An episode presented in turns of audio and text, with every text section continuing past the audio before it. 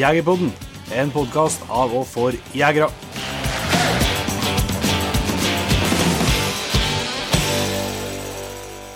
Da er alt klart, og du hører på Jegerpodden. Hjertelig velkommen til en helt ny episode. Og jeg heter Jon Petter Meldingen. Og jeg heter Jon Ingevik. Ja, og i dag er det eh, igjen tema om eh, fuglehunder og fuglejakt. Det vet vi jo er populært eh, blant dere som hører på. Vi har fått med oss to karer eh, som heter for Thomas Dahl og Atle Jørgensen, som holder på med et eh, veldig spennende prosjekt, må jeg si, et filmprosjekt eh, under navnet The Falling Feather Films, eh, der de skal Ja, jeg tror ikke jeg skal fortelle så mye mer om det, det får dere forresten høre når dere kommer lenger ut i praten her. Ja. Men det vi kan fortelle, var at vi hadde jo en, eh, en kjempetrivelig kveld i lag med dem. Yes. På ei lita inni Snåsa. Så det var akkurat sånn som vi gjerne skulle tatt opp alle episodene. Det stemmer. Men i, for dem som er lokalkjent, så var den i Lurudalen på Grisbakkhytta. Mm. Så siden sist, Inge, jeg vet ikke, har du fått vært noe mye ute i skog og fjell? Nei, vet du, akkurat nå må jeg, må jeg skuffe. Eh, Prøve å ta litt vare på eh, gårdsbruk og kjerring og unger. Så Du, drar, det, du drar den, ja? Ja, det gjør det. Nei, jeg, det ble litt vinter oppi her, så jeg måtte være hjemme og gjøre seg litt på gården til det blir mer vinter. Så det ble jaktfri helg nå, ja. Men eh, det blir vi vel å ta igjen, tror jeg, i løpet av neste uka. Spørs det. Spørs det. Men du var nå av gårde og sprang. Ja, jeg fikk meg et par skikkelig langspurter i forrige gang. Det var ikke så Ja, fin helg eh, og kaldt og, og fint vær, men uh, ikke noe action på helgfronten. Men jeg fikk uh, Jeg fikk først uh, sluppet Eiko i uh, akkurat på, på rett side av grensa, og så så jeg han var, var, var elg. Og det gikk noe som det måtte gå. Han tok ut den elgen bare på ja, 200-300 meter, og den elgen var så sagt klar over meg, som kom stabba i rypestøen der. Så det sprang nå bare, og da så jeg liksom en gang at det tok turen eh, ja, parallelt nedover langs grensa. da. Så jeg begynte å springe og springe og springe og springe og springe. og springe og springe. Uh, så ikke noe av pedalen, jeg bare sprang til ikke føttene greide å bære meg noe mer. Ja. Uh, og da sank han jo opp i snøen der, da, og fikk lura fram pedalen og så at jeg passerte 80 meter nedom meg. Ja. Uh, så det måtte bare gå, sånn. det bar seg noe til helsike med det. Og så eh, skulle han jo ta høydemeterne opp igjen, da. Eh, For vi hadde jo sett i kikkert at det var elg oppi, helt oppi fjellbandet. Og når jeg begynte å komme meg noen hundre meter opp igjen i der, så får jeg se eh, plutselig på andre sida av en myr der at det ser jeg en elg. Og så bråstopper han der da og får fram børsa og greier. Og så ser jeg her kommer det står en elg til fram, framom. Så tenkte jeg at uh, dere var jo De hadde jo 100 meter til grensa. Så eh, Ja, et par meter sikkert. Ja, men samme han, eh, jeg så jo at dere, de var på tur feil vei, da. Ja. Så tenkte jeg at hvis de tar et steg til nå i feil vei, så skal jeg bare springe imot dem, bare som jeg får snudd dem, for jeg hadde noen poster ut. Ja. Og det, oksen tok ett steg fram, og da begynte jeg, begynte jeg å springe over mura, rett imot den, og han sprang imot meg. For han hadde bestemt seg hvor han skulle hen. Ja. Og til slutt så møttes vi vel på en eh, 30-40 meter der, da. Og han så jo meg selvsagt over hele myra, og det er jo ikke, det er ikke helt lydløst når eh, den kroppen her skal forflytte seg kjapt i dypeste, for å si det sånn. Han var fullt klar av meg, men eh, det er, jeg jo sett det mange ganger før, og det er jaggu ikke enkelt altså, å snu elg som har bestemt seg de, hvor de skal hen. Da har de eh, virkelig tenkt det. Ja, de er ganske, de er ganske bevisste, ja. Så det har vært en fin sjanse på den, men det var ikke på, på kvota lenger den, ja. Så, men kua fikk jeg jo snudd dem til, ja. Men jeg har jo heller ikke på kvota, så det Men jeg fikk nå holdt to på fikk noe holdt to i sjakk, da. Så Ja. det var egentlig det mest eh, actionfylte som eh, foregikk, tror jeg. Så var det stort sett kaldt og, og mye snø. Ja, men det, det, men det er fortsatt mange helger igjen. Det er så. Det er så. Men før vi går videre, så skal vi passe på å takke nye patrients som har eh, kommet inn siden sist. Det er Vi skal si tusen takk til Astrid Farbu, Einar Mats uh, Unsgaard. og Steffen Chuck Malmo. Tusen hjertelig takk til dere, og tusen hjertelig takk til dere som allerede har blitt P3-ens. hvis du som hører på nå ikke er P3-en og kunne tenkt deg å bli det, så setter vi selvsagt enormt stor pris på det. Eh, du får noen fordeler, du får rabatt i nettbutikken. og Det er jo ikke nettbutikken vår, da. Eh, der er litt varer etter hvert, og det er ikke det dummeste nå rett før jul. Eh, du får uh, tilgang til ekstra episoder, eh, som er men, i hvert fall er verdt å få med seg. Eh, vi kommer til å ha konkurranser, og ikke minst så får du støtta oss litt i den jobben vi gjør. Så hvis det er noe du har lyst til å sjekke ut, så finner du informasjon om det på jegerpoden.no. Uh, og vi skal jo faktisk ha med oss to Patriens uh, på jakt i helga, Inge. Ja, det skal vi. vi har jo et, et, samarbeid med Statskog nå, mm. i helga som kommer nå. Yes. de stiller med Statskog stiller med terreng til oss og høtt. Yes. Og, og, kvote på noen helger. Og da skal vi rett og slett ha med oss to, to patrients som vi har trukket ut fra, fra en konkurranse tidligere i høst. Mm. Som skal være med oss da på, på elgjakt, Med løshund, så får vi se. Får se hvordan det går. Ja, får se hvordan det går. Så ja, om det blir god verdi, og om den premien er god verdi, eller ikke, det gjenstår å se. Men uh, vi har planlagt mye god mat, om ikke annet. Ja, de skal få seg, skal få seg en fin høtthelg med mye god mat. Det, ja. Så får vi tro at vi får lura fram noe elg òg. Ja. Så det blir jo helgas store mm, begivenhet, selvsagt. Ferie og dit på torsdagskvelden. Ja, eh, også, jakt fredag, lørdag, søndag. Yes. Men vi, eh, ja, vi er jo ikke helt tam på å planlegge eh, ganske sånn tette tidsskjema når du først uh, kommer oss løs. Så på søndagskvelden så kjører vi til, til Sverige, Sør-Sverige. Da skal vi kjøre ned til en Tom i, til Vallakåpan. Ja.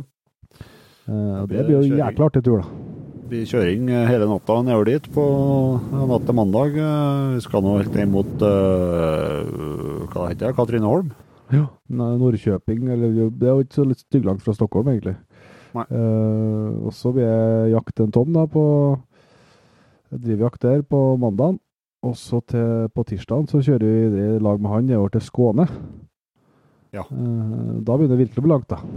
Det blir, en, det blir en jævla lang tur hjem. ja.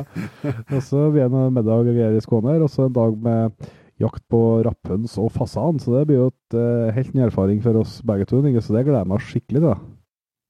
Ja, både driv, drivjakta i Sverige ja, ja. med de artene det kan tilby, uh, og, og dere fuglejakta. Nei, det blir spennende. så jeg må si jeg gleder meg litt allerede til fredag, Petter. For, eh, for selv om vi sitter og jobber i lag hver uke, så det er ikke ofte vi jakter så mye i dag. Nei, nå er vi faktisk ikke eh, Nei, det er jo litt siden og sikkert litt siden ja, bukkjakta, det siste. Ja, så det samme. begynner å bli altfor lenge siden, så det gleder jeg Det er jo trukket ut, uh, ut Vanligvis så bruker vi å få til noen korthelger, i hvert fall på helgen, men det har trukket ut kvota i år. Det har gjort det. Så det blir artig, ja. Skal jeg vise deg noen triks, da, vet du. Litt sånn spotteri. De vil oppover. Ja, de skal oppover. Ja. Det er i hvert fall i helga, når det er sånn som det er meldt nå. Nei, så vi har mye å se fram til. Så skal vi selvsagt få uh, fyldig referat både fra vinnerjakt og, og Sverigetur til neste episode. Men jeg tror ikke vi skal dryge noe lenger før vi, vi, bare kjører i gang med en, Thomas og Atle. Nei. Da er vi klar til et nytt opptak, og da sitter vi faktisk akkurat sånn som vi skulle ønske vi hadde spilt inn hver eneste podkast, på ei lita fjellhytt på Snåsa, uh, i Grisbakkhøtta. Her skal vi prate med to trivelige karer som heter for eh, Thomas og Atle. Uh, som har et spennende prosjekt på gang. Kan ikke du starte, Thomas, og fortelle litt om deg sjøl? Jeg er en mann på 45. Mm. begynte å jakte da jeg var 18. Jeg eh, var med en eh, kollega på jakt i Tufsingdalen. Han hadde en uh, engelsetter med høy talefeste og amerikansk import. ja. uh, vi kalte henne for Grynet. For vi så bare som et lite gryn inn på fjellet. Og jeg kom innom i ny og ne og møtte en annen jeger i fjellet, så jakta jeg gjerne med han. Ja, så, så valget havna jo ikke på engelsksetter for min del, da. Så jeg sto på et uh, dekke, betongdekk ute i Asker i Vollen og skulle bygge en svær enebolig, og der gikk det noen majestetiske hunder forbi. Ja. Og det var jo selvfølgelig Gordon Setteren, da. Og da ble jeg jo forelska, og den forelskelsen har jeg fortsatt en dag i dag. Ja. Så har vært trot mot rasen, selv eh, dens utfordringer. Ja, ja. Men du har jo et, du er et eh, kjent navn til i hvert fall mange av oss som er ivrige skogsfugljegere. Med, noen tidligere Vi skal jo snakke om et nytt filmprosjekt du er i gang med nå, men, eller, men du har jo hatt eh, noen veldig vellykka tidligere her. Ja da, på skuddholdet på skuddholdet igjen. Og Yes. så har det vært en rypeaktfilm. Men eh, Jeg skal virkelig ha skryt for dere. Jeg har sett eh, de to skogsfuglfilmene. De har jeg sett dels mange ganger. Eh, Så de var veldig bra. Det var jo hvor, eh, hvor, Når starta dere med det her? Vi starta vel eh, Det var vel 2008. Da hadde vi jo en fantastisk bra sesong. Ja. Og flørta jo med tanken om å begynne å lage film. Ja. Eh, vi skulle nok ha begynt da, for da det var fugl overalt. Ja. Eh, men det, vi hadde jo noen gode år etter det òg, så det gikk jo bra. Mm. Men eh, nei, vi bare flørta med tanken, og så begynner vi å ha sånn litt større utfordringer med jakta. Ja, liksom tilføye noe mer, da. Og ikke bare skyte. Eh, prøve å ja, gjøre litt mer ut av det. Mm. Og det ga bare mersmak. Gå opp og filme en stand og få en felling og kanskje en fin apport og få en komplett situasjon, det, det var ordentlig stas. Ja. Så da bare fortsatte vi med det. Ja, ja. Men vi har en annen kar eh, på, på en bordet her òg. Du må fortelle litt om deg sjøl, du, Adle. Ja, jeg er eh, 48 år. Mm. Jakta skogsfugl siden jeg var eh, 16. Mest uh, på støkk de første åra, og så ble det finspetser etter hvert. Ja. Så jeg har hatt fire av dem. Uh, Så møtte jeg Thomas. Uh, Det er ti år siden, Jaha. tror jeg vi fant ut. Og eh, ble jo introdusert for denne jakta med stående fuglehund, og syntes jo det så spennende ut. Men det, gikk jo da åtte år før jeg skaffa meg min egen, da. Ja. Så nå har jeg to, to settere. En, en valp på drøye fire, snart fem måneder, og, så, og en som blir to år nå til uka. Ja. ja. Så nå er du på fullt uh, seterkjør, du òg. Nå er det seterkjøret. Nå er det ingen andre hunder. Det er ikke lett å komme ut av. Er- Da blir du avhengig. Ja, ja, det, det er jeg alt. Men jeg hører jo at dere, dere har begynt å jakte, jakte tidlig. Husker dere eh, første fellinga dere eh, har opplevd, eller? Atle? Ja, da eh, eh, Den tida der jeg vokste opp, da, så var det Jeg husker det godt fordi jeg, jeg hadde vel ikke tatt jegerprøven ennå. så jeg var litt skrall på artsbestemming. men eh, men eh, jeg hadde fått med meg at brunfugl var eh, ikke lov der, da. Eh, så jeg Men jeg, skjøt en fugl. første viltet. Jeg hadde jo vært mye ute før det, altså, men når det første viltet datt, Ja, så var jo den brun. Og da fikk jeg ordentlig hetta, så den gravde jeg ned eh, i en myr. Men i ettertid så har jeg jo Det var ei jerpe. Ja, jeg, tror det, jeg tror den hadde gått greit. Men du, Thomas? Nei, jeg tror eh, det var vel ei rype for hun gærne Pia. Ja, ja. Gryne. Ja, og Gryne. Gjør du? Yes. Um, vi, har litt, eh, vi hører jo at dere, at dere um, habile setterfolk og, og eh, fugler, men eh, sånn jaktåret sett under ett, hvordan eh, Er det noe annet, annet jakt dere bedriver ellers i året, eller er det kun fugl det går på? Ja, for min del så er det bare fugl. Ja. Det er, det er så det, det holder. Ja. Det er kun fugl og gårdlandsetter Ja. det går i. Så da er hundetrening uh, utenom jaktsesong. Det blir mye trening på hund og dressur og Ja. sånne ting. Går det noen prøver og sånt, eller? Jeg, har vært på, jeg var på en prøve jeg var i fjor. Jeg var på en prøve. Kun vært på én prøve i mitt liv. Ja, ser Ja. Så da fikk jeg faktisk to uker. Jeg. Så, nei, men det var greit det å gå på jaktprøve. Jeg kommer til å fortsette med det, faktisk. Mm. Det, det skal jeg gjøre. Så, ja, Ja, Vi må prøve det med de nye tilskudda. vi må nok det. Ja. Mm. det. Ja, for vi kan eh, vi, må, vi skal snakke litt om det prosjektet deres eh, her. eh, Du teaser her litt, så folk begynner å bli spent på, tenker jeg. Men, men før det Det står to veldig hyggelige våpen borti et krå her. Ja, da, Og vi er ganske interessert i våpen, ja. Ja, ja, det er bare å gå klå litt, det.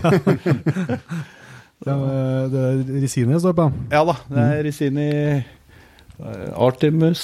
er det- Artemis Light heter den. Ja. Det er ei eh, hagle på Vi veide, vi veide dem. Tok med sju, tok med åtte. Ja.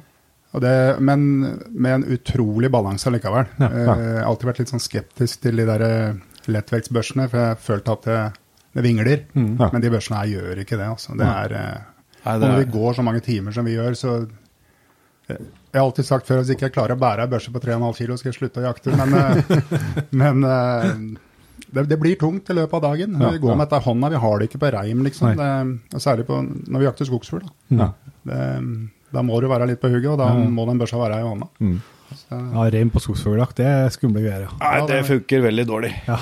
Etter at det har blitt tørr bak øra, så forkalkning i skuldra, så merker man børsa i åtte timer, altså. Ja. Så, Vi, skjønner jo det ut ifra merket at eh, det er en felles bekjent av alle oss fyrene som har uh, sørga for at dere har havna med, det- med de haglene. ja da. er Ronny B. Pettersen eh, har hjulpet oss fælt der, han. ja, hos Og- mange andre. Og det er eh, Flinke folk. veldig flinke folk og ja, kunnskapsrike. Og vi er utrolig takknemlige for at eh, vi får være en del av, av det teamet der. Ja, Ja. det skjønner jeg godt. Ja, nei, Det finnes ingen eh, mer haglemann enn Ronny jeg stoler på, for å være helt ærlig. Han er eh, dedikert og ja. Jeg tror ikke det er noen mye hagler som har det bedre inn til en Ronny heller. Nei, det er helt riktig. Nei, det er helt riktig. Det er dønn strøket og Ja. Eh, Men hvis vi skal se litt Du var jo inne på Thomas, at du er, har i mange år vært en svoren uh, Gordon-settermann. ja. Du må fortelle litt mer om hva som er bakgrunnen for den forelskelsen du snakka om. Ja da, nei, det er bare så flotte hunder. Mm. Høyreiste, øh, søke, solide hunder. Og Nei, det Jeg skjønner ikke at det ikke er flere som vil ha disse hundene, for å være helt ærlig. Nei, det, eh, det holder jo på er bra med gårdsetter i, i Norge nå, eller? jo da, gjør det. Men jeg, jeg, syns de er Den går litt gærne veien. Ja. Den eh, begynner å minke størrelse og bli litt mer firkanta og litt mer eh, stortgående og hardtgående og Ja. mindre kontaktsøkende og sånne ting. Eh, jeg brenner for skogsfuglhund, og da Gordon-setteren. Og gjerne den litt gamle typen. Ja. Gamle, solide typen som har litt kraftigere benstamme og trenger ikke gå i 200 km og tilbake. Det er helt håpløst for en skogsfugljeger. Ja. Så jeg har en liten kampsak der, Ja, ja, for å si det sånn. ja, det er bra, det. Men uh, hva, kan du fortelle, fortelle oss, eh, som ikke er kjent med det, litt hvordan, eh, mer hvordan den opprinnelige uh, Gordon-setteren som du, du tenker på hvordan, eh, hvordan den skal være? da? Nei, den skal være vesentlig høyere enn den som er i dag. Ja. Altså den, eh, Det finnes mange flotte Gordonsetter, misforstå meg rett, det, det gjør det. Ja. Uh, men uh, ja, kall det eliten, da. De, de sier jo sjøl altså, de bryr seg ikke om åssen det ser ut, bare går som et helvete. Altså det, det er deres egne ord. Ja. Um, altså jeg vil ha en flott bil jeg, med riktig motor i. Ja. Ja. Altså jeg trenger ikke en eh, Lada med Porsche-motor, jeg vil ha begge deler. Jeg. Ja. Flott, riktig jakthund. Mm. Uh, og det brenner jeg for. Og selvfølgelig må jeg møte litt mot, motgang der, men vel liten da. Men jeg tror eh, jegere flest eh, eh, støtter meg litt i den kampsaken der. Ja. Ja, Altså, det, det er jo noe med, med, å Vi hadde jo snakka litt om dette på forrige episode, men det handler jo litt om at man skal bevare rasen for det den er òg, da. Ja da, altså ønsker man en annen rase som eh, går stort og er, ser mindre ut og har en annen fasong, så kan man jo velge det, da. Ja. Istedenfor å kanskje bygge om eh, Gordonsetteren. Så jeg er litt, også litt skuffa over eh, lederen i klubben og, og Norsk Kennelklubb som tillater import av amerikanske hunder som eh, ikke er reine rase Gordonsetter. De flytter halefestet opp på ryggen og de blir firkanta og mindre kontaktsøkende og, og går som et helvete, rett og slett. Men eh, for at eh, dere er jo skogsfugljegere eh, på deres hals, og det er jo litt sånn, det er jo det jeg forbinder med, med nå. At det skal være en skogsfugl. Altså avsetter, avsetterne, så er liksom det som er, er skogens eh, konge, da. Ja, det er sånn jeg ser det også. Det er eh, Gordonsetteren, den skal være best på skogen, og så skal den funke greit på skogen. Nei, unnskyld. Sa det over klippet bort. Jeg skjønner. På, på, godt på fjellet, ja. Ja, den skal være best på skogen og god på fjellet. Ja. That's, that's it. Det er liksom sånn eh, Sånn ser jeg det på Gordonsetteren. Du deler tankene her, du, Atle? Ja, jeg gjør det. Vi så jo det på den ene prøven vi var, at eh, eh, Jeg tror at flere av de hundene med fordel kunne ha uh, senka farten litt, for å si det sånn. Det, ble, det blir løpt forbi mye fugl. Ja. Altså i, i rett linje, Ja. Det følte vi. Ja, Og det Altså, når vi støkker fugl eh, der som hun har eh, vært forbi på 15 meter, liksom, Ja, ja. eh, da blei det litt feil. Ja. Det, det er jo det som er litt flott med, med, med, med prøver òg. At man eh, for klart, Hvis man bare går og jakter og, og liksom jakter med kompiser så Det er det som er fint med prøver, at man får sett litt andre hunder. Ja, ja. ja, ja. ja. Det er jo, Men eh, ja, så er, for det er klart at for hundene så altså, det er jo eh, De jobber jo kanskje ganske annerledes enn eh, en velfungerende skogsfuglhund kontra en som skal, skal vinne på Kongsvoll. Da. Det er litt annet, oppsett. eh, det, det er mer eh, må jo, De må liksom kunne anpasse seg både sånn terrenget, men, men også, og fugl og ikke minst tiur som kan springe. og det er, mye, det er mye mer elementer sånn sett da, som, du, som du kanskje ikke klarer å takle i, i høy fart like godt. Ja, ja, det er jo ikke Det er helt klart. Og, men så er det jo sånn som alle hundene mine har jo også jakta forskjellig. Ja, ja, ja. Og ingen av dem har eh, Egenskapene har vært forskjellige på alle hundene. Ja. Eh, og så har jeg fått mange spørsmål om hvem hund er, er din beste. Mm. Det kan jeg ikke svare på, for alle har vært dritgode på det, og så har de vært litt mindre gode på det. Og så Og da må man liksom opp til jegeren, altså klare å tilpasse seg, altså bygge på svakheten og spille på så de sterke sidene. ja, ja. Så, og så Kiara der, eh, hun er jo en eh, ja, et produkt av eh, sånn høyfjellsgalskap. Men eh, hun er en ordentlig Jeg har fått, fått henne til å funke bra på skogen. Vi jakter med bjelle. Det går ja, det går, det går stort sett greit. Det er klart Bella blir borte når du står inne i et kontortafelt eller Ja, ja. plantefelt som er grisetett. Ja. Altså du ikke ser henne på 50 meter, så er det jo så er det jo greit med en uh, GPS, men uh, jeg har faktisk valgt å uh, jakte uten. Ja. Man blir mye mer våken og følger litt mer med og mye mer effektiv. Ja. Uten å gå og titte på GPS-en. Ja. ja, dere er akkurat her er jo eh, ja, jeg er veldig glad i GPS, åpenbart. men eh, men eh, når jeg hadde fugleunger, så brukte jeg jo bare sånn standvarsler. Ja. pip når de sto. Ja, altså, jeg, jeg bruker også det, altså. Ja, ja. Det, men jeg, jeg, jeg har den ikke på når de er ute i søk. Da hører jeg på bjelle. Ja. Og, og den standvarsleren er sånn at jeg kan skru den på, på hvis bikkja er på 150-200 meter. Hvis at jeg er her borti noe tetta eller bjella ikke, så kan jeg skru den på, så kan jeg høre hvor jeg er. Den er helt suveren. Ja, synes jeg, men, men, eh, men så fikk jeg tak i meg GPS mens jeg hadde fuglehund, og jeg fikk ikke det til å funke eh, Altså, Jeg kunne ha den i sekken litt for som du sier, også finne igjen hund. Altså, Det var godt uh, var stående langt unna, så det ikke var noe Men liksom på tur inn på stand, Ja, så syns jeg det ble altfor unøyaktig.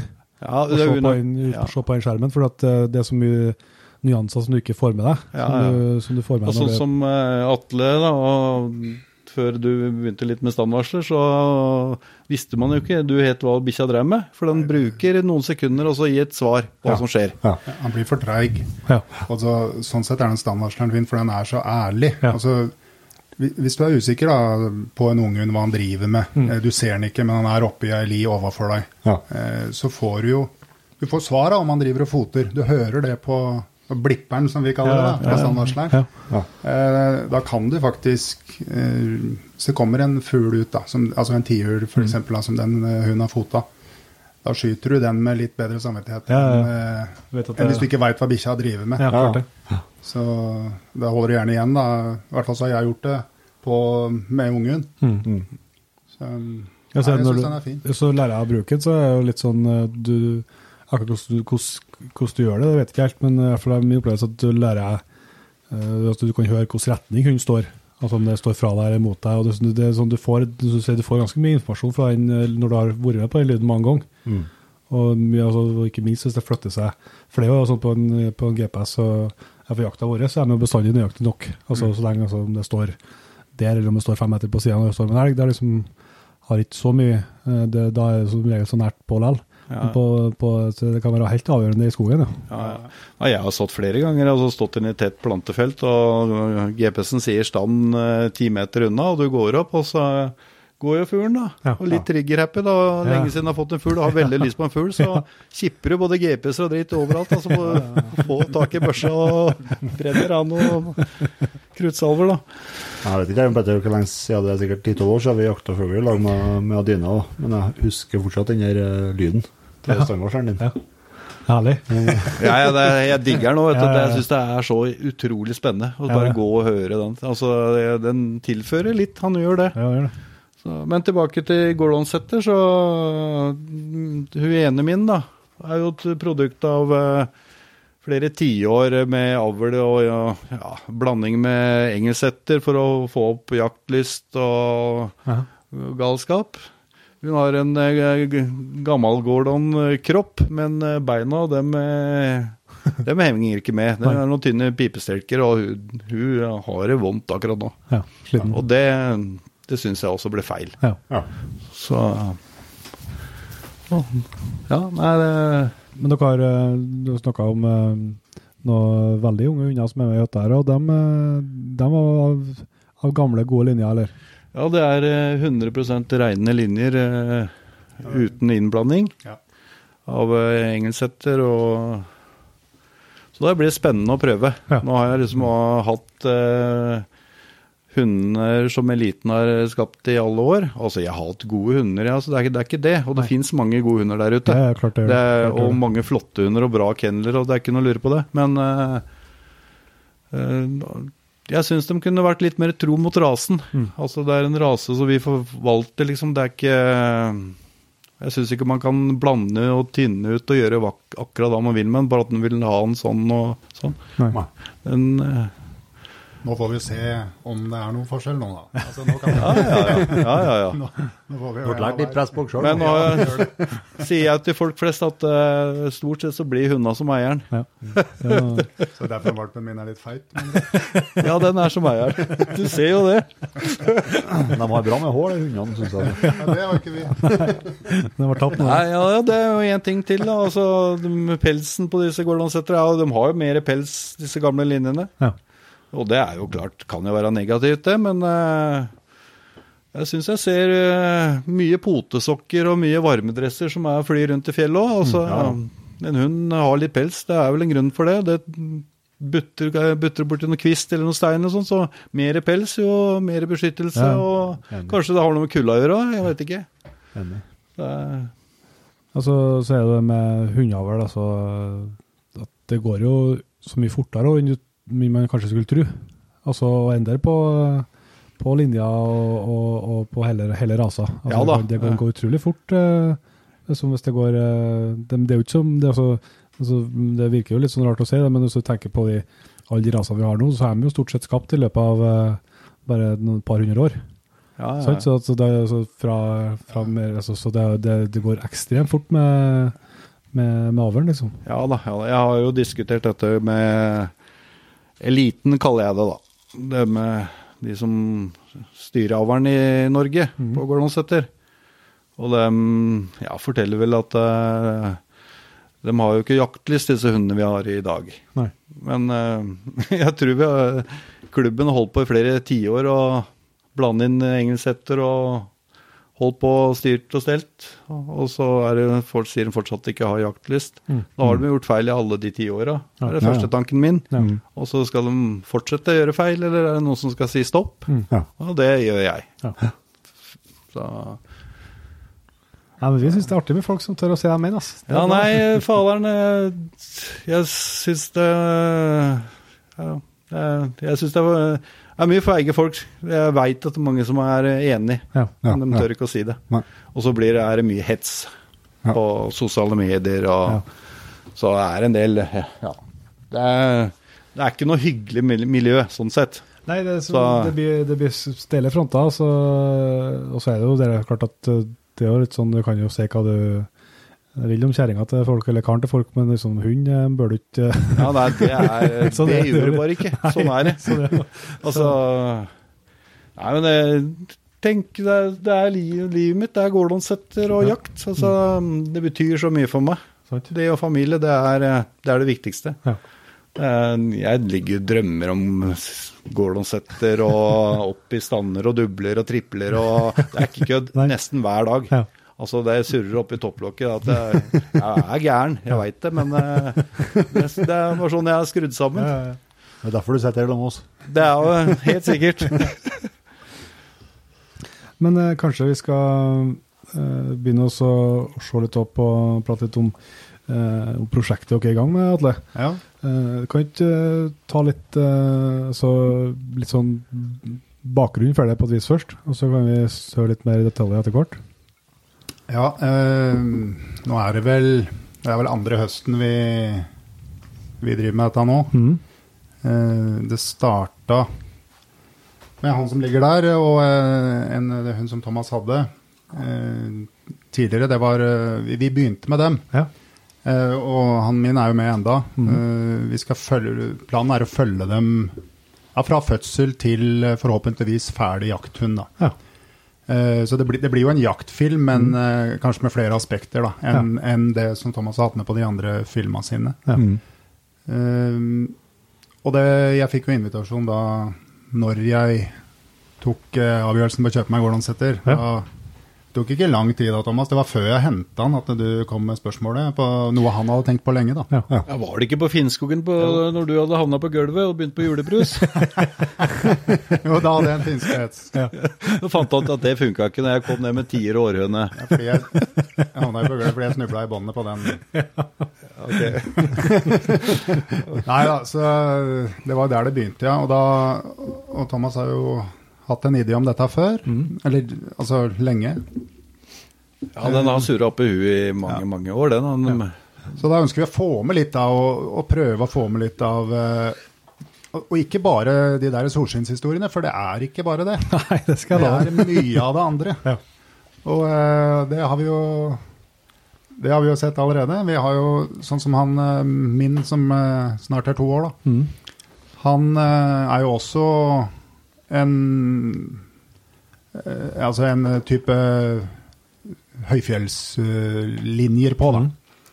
Eh, Men han er eh, blitt en stor, stor gutt, så han Han Ja, han har jo litt av de egenskapene som jeg ville ha, og det så jo heldigvis Altså Oppdretteren min han visste hva jeg var ute etter, da, han, ja. ja. som jeg kjøpte den av. Så han klarte faktisk å plukke den som blei sånn som jeg ville, eh, føler jeg, Ja. Ja. til mitt bruk. Mhm.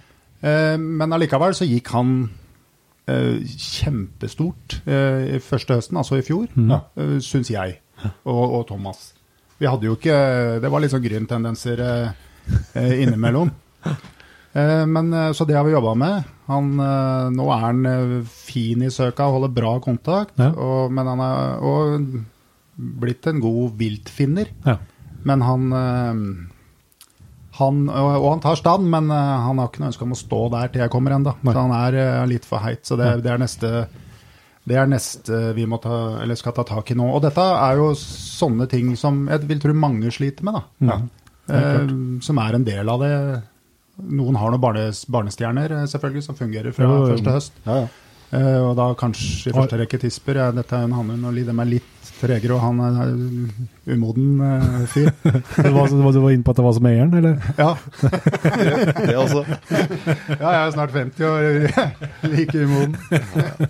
Nei, altså Jeg syns jo altså, Jeg har drevet med hunder i mange år, men, eh, men settere er som sagt det første han Scott, som han heter, da. Ja.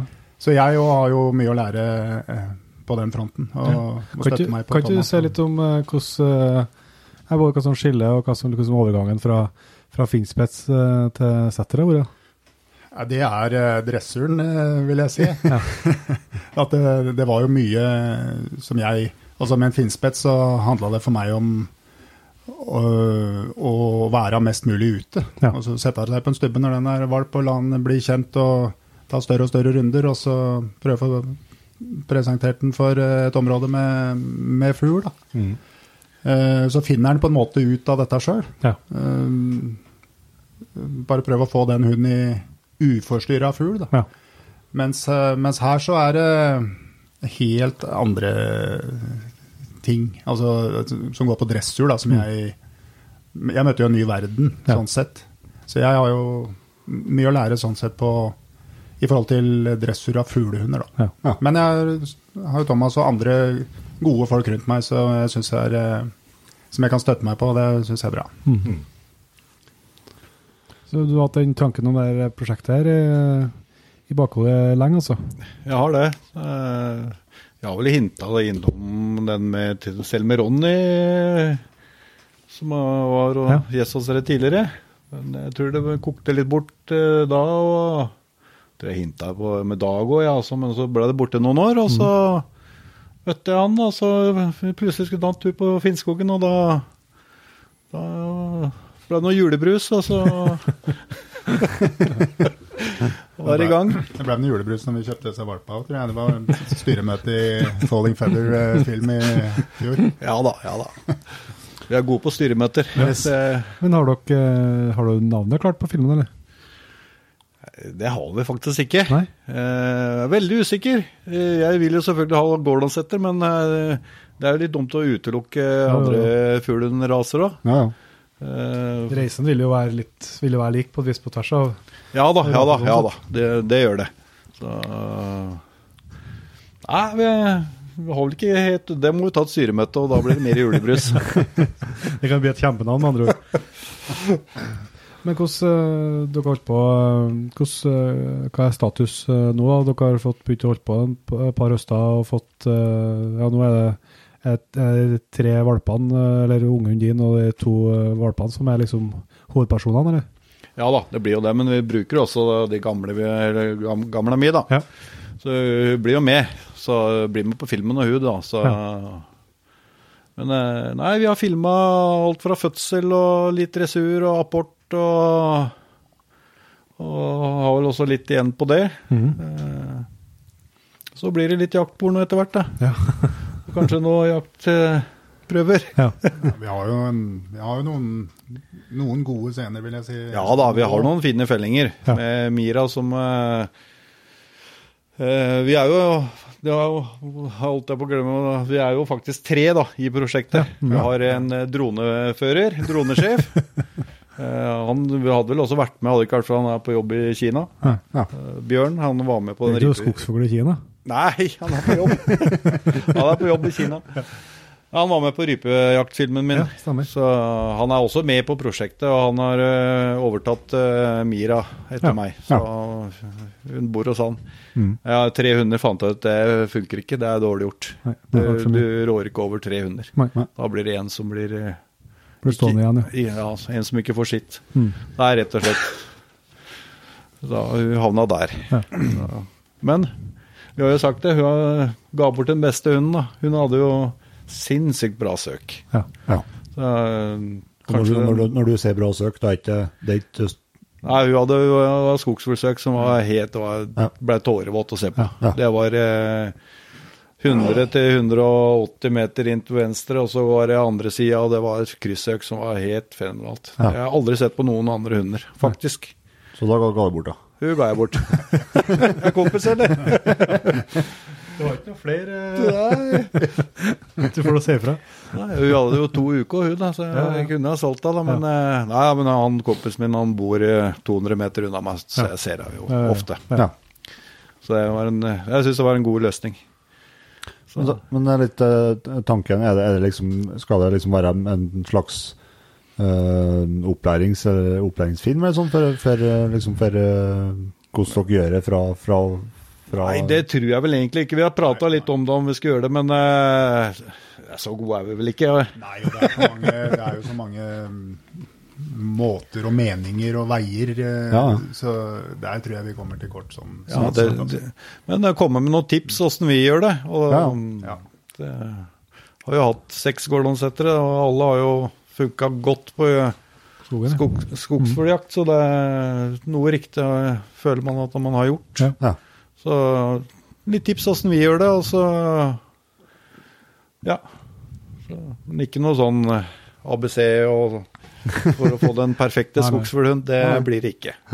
Det blir eh, Det er veien til eh, å få en god hund Mm. på skogen. Mm. Så, Jeg gleder meg virkelig til å se det. Men det, er så litt nysgjerrig på, du snakka om uh, ungen her som ikke uh, venta igjen deg i stand. Eh, Så du skulle jobbe med det. Hvordan, eh, hvordan jobber man med det? Nei, det driver vi og diskuterer litt nå. Så, Over en, over en julebrus. Over en julebrus. Nei, altså, der må jeg eh, bruke altså resten av sesongen og for, altså etter vinteren. Eh, Ja. Og jeg kommer til å ty til ekstern hjelp, jeg også. Ja. Med folk som driver med dette profesjonelt. Mm. Ja. Bare for å få den sikker i, i stand. Da. Ja. Ja. For alt det andre er, føler vi er på plass, kan du si. da. Ja. Han er litt, litt igjen på innkallinga, ja. men eh, altså, det fungerer innenfor en viss radius. Ja. Men eh, blir det for langt, så da vur- vurderer han det dit hen at det er verdt å ta en runde til. Ja. Litt tydeligere lederskap og det går litt på det også. Og det er jo en av de tinga vi var inne på i stad, altså, med hva er forskjellen. Mm. Eh, og jeg jo merka jo det med Jeg har også hatt flere hunder, men eh, altså enn to. Ja, ja. eh, på en gang. Eh, og fuglehund, det tar mye mer tid. Ja. Eh, det gjør det, altså. Så- Krever, krever mer liksom i, i hverdagen. Ja, jeg, jeg syns det. Ja. Ja.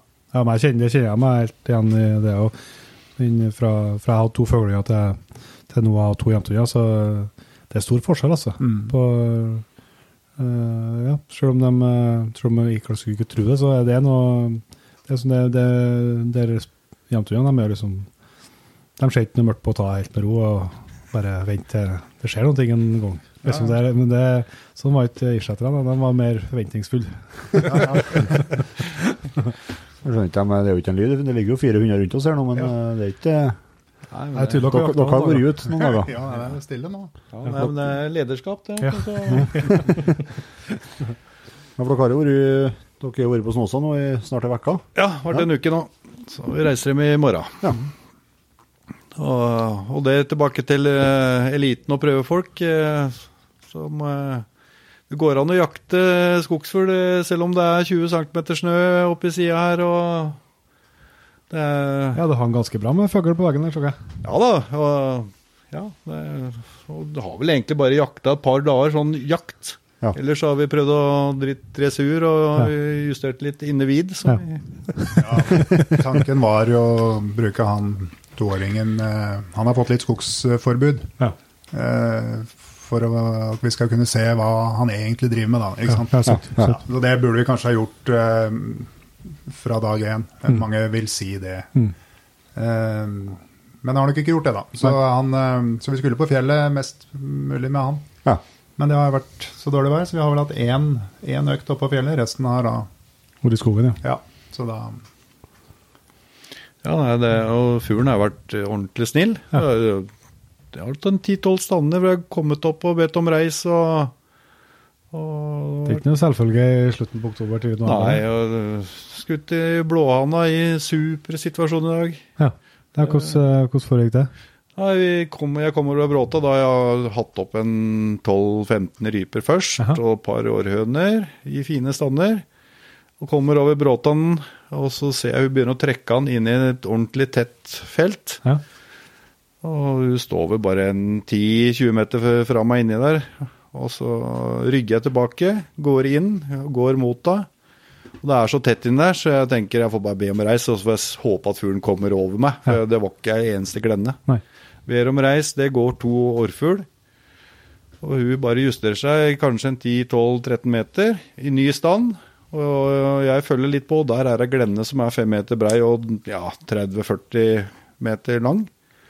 Og der går det to blåhannar. blåhanner. Og jeg Ja, det syns jeg var ordentlig morsomt. Ja, ja. At uh, ikke hun raste videre. Hun bare justerte seg inn i ny stand på ny fugl. Og, Så den, den hang litt høyt. Ja. Blåhana og når det er snøføre og I stand i ordentlig stand. Og, nei, det var jævla moro. Ja. Ja. Det, den, eh, hele turen er verdt bare det. Ja, ja, ja. Altså Klart det er moro å skyte ryper, og jeg har skutt noe røy og noen århøner og sånn, men eh, når du får det så komplett, da bare Det er bare kult. ja, fy faen. Det er bare Gordon-setter.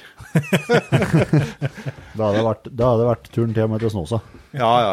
Nei, men jeg jakta snåsa før, jeg. Det er jævlig fint oppi her. Ja, det er det. Det er jo ikke høgd oppi her. Nei, Altså, det er urørt natur. Det er utrolig flott. Ja, det, men dere, bor dere jo midt i smørøyet her, da. Ja, da, så her er det superfint. Ja. Mm. Jeg tror kanskje det er den triveligste hytta vi har vært på, Atle. Ja da, det er nok det. Vi har jo prøvd noen forskjellige stuger rundt omkring, både i Sverige og Norge. Så Ja, det har vært mye stusslig, ja. veldig mye stusslig. Det er helt klart. Det er klart, Litt julebrus, så blir jo hytta ålreit etter hvert. Ja, men jeg kjempa fra den, den, første filmen der. så er Det røk å tenne opp i en stor sånn åpen peis på ei hytte der. Ja, ja, ja. ja. Det så jo veldig trivelig ut. ja da. Det, ja, stemmer det. Det, det var uh, Kanskje det var toppjakt eller noe i Sverige? eller noe, det. Var i Høljes eller noe sånt, det tror jeg. Ja. Jeg Stemmer det. kjempa akkurat til scenen, det så jo veldig koselig ut. Ja, Nei, den var fin, den, men det, det, det trakk der, for å si det sånn. Det blåste gjennom veggen. Hjalp ikke å fyre så veldig hardt. Bra trekk. Men eh, hvis vi skal dra oss litt mer inn på, på skogsfugljakt som tema, det er jo ikke noe tvil om at dere eh, brenner for det. Mm, Sånn som dagene nå når dere eh, legger opp og, og når dere går med, med en rutinert hund, hvordan, eh, hvordan planlegger dere å gjennomføre jakta nå? Nei, altså, jeg må ærlig innrømme at vi bomma de første dagene. Ja. Og finne hvilken høyde de satt i. Og overraskende nok så satt jo all fuglen eh, i samme belte. Det var siste skogen før høyfjell. Ja. Eh, Både røy, århøne, hana og rype, faktisk. Ja. Rypa, jeg fant rype helt her nede òg, men eh, eh, mest der oppe. Ja. Så om du knekte den koden, så var det jaggu bra med fugl. Ja, vi prøvde oss jo lenger ned eh, der det ikke er noe snø òg. Der var det jo ingenting. Nei, helt bart. Ikke en fugl å Nei. se. Så bør, eh, de skifta, skifta beite. Skifta beite. Nei, det er, jo- det er jo samme leksa hver gang. Man knekker koder. Og jak tidligjakta, så er det tørt, så må du finne bekker og bekkedrag og Ja, og kjenne terrenget. Vi har ikke vært her før, så Nei da, akkurat her har vi ikke vært. det er alltid en fordel å kjenne terrenget. Ja. Da ja, bruker litt tid på å finne ut av det. Ja. Du var litt inne på at dere har vært mye rundt både i Norge og Sverige. Hvordan, eh, hvordan eh, jobber dere for å, å liksom finne neste sted, liksom? Eller eh, er det via via bekjentskaper, eller er Ja, både og. Altså Ja, vi hører noen rapporter og, mm, fra forskjellige steder, og Ja. så er det Og så er det litt spennende å prøve noe helt nytt. Right. Være litt smågæren. Ja. Ja. Så bare, bare dra. Men uh, det blir noen bomturer Ja, ja, også. klart det, klart. Altså, vi har, du skal ikke legge skjul på det, i år har vi bomma litt, vi. Ja. Så det, det skjøt tiur eh, etter to timer av første jaktdagen, men uh, bortsett fra det, så var det Det begynte bra. Med gammeltider første morgenen 25. august. Det var moro. Ja, moro. Men eh, det har bytta litt. Men sånn som Altså, få tak i de terrenga det, Mange av dem ligger jo ute. Jo, jo. Ja. Eh, men at vi kom hit nå, det var eh, Altså Der er en hyggelig fyr som eh, vi følger, og han følger oss mm. si, på Instagram, som jeg prata litt med. Aldri, aldri møtt han, men eh, kjempetrivelig. Og han tipsa, tipsa oss om dette her vi er nå. Ja. Så viste det seg at Thomas hadde jo vært i området her før, så da Når du begynte å gå tilbake i arkivet, så Ja, jeg fant jeg gamle bilder. er Helt makan hytte på en annen dal. ja, bare mer hår. Ja, Var ja, det for Gni det inn. Det blir vel litt tynn du òg, ser jeg. Det skal jeg love. Og han er bare 30. Så Du kan jo tenke deg. Men femkilosturen, da, hva har dere funnet han igjen, da?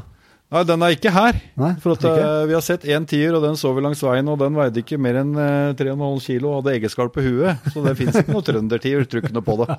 Har ikke sett en annen tier heller. Nei. Det er litt skuffende. Ja, jeg òg. Jeg skulle opp hit og skyte trøndertier, jeg. Ja, ja, ja. Bikke fem kilos, da. Ja, ja for det, vi snakker jo ikke om uh, tiur i Jegerpoden uten å, å spørre litt om uh, femkilosgrensa. Nei, jeg eh, Aldri. Aldri. Skjøt min tier nummer 100. Det er eh, Ja, det er mange år siden. Mm. Jeg tror ikke jeg bikka den, Nei. faktisk. Så 4-8 skjøt jeg en i fjor. Jaha. Jeg kan kanskje være den største.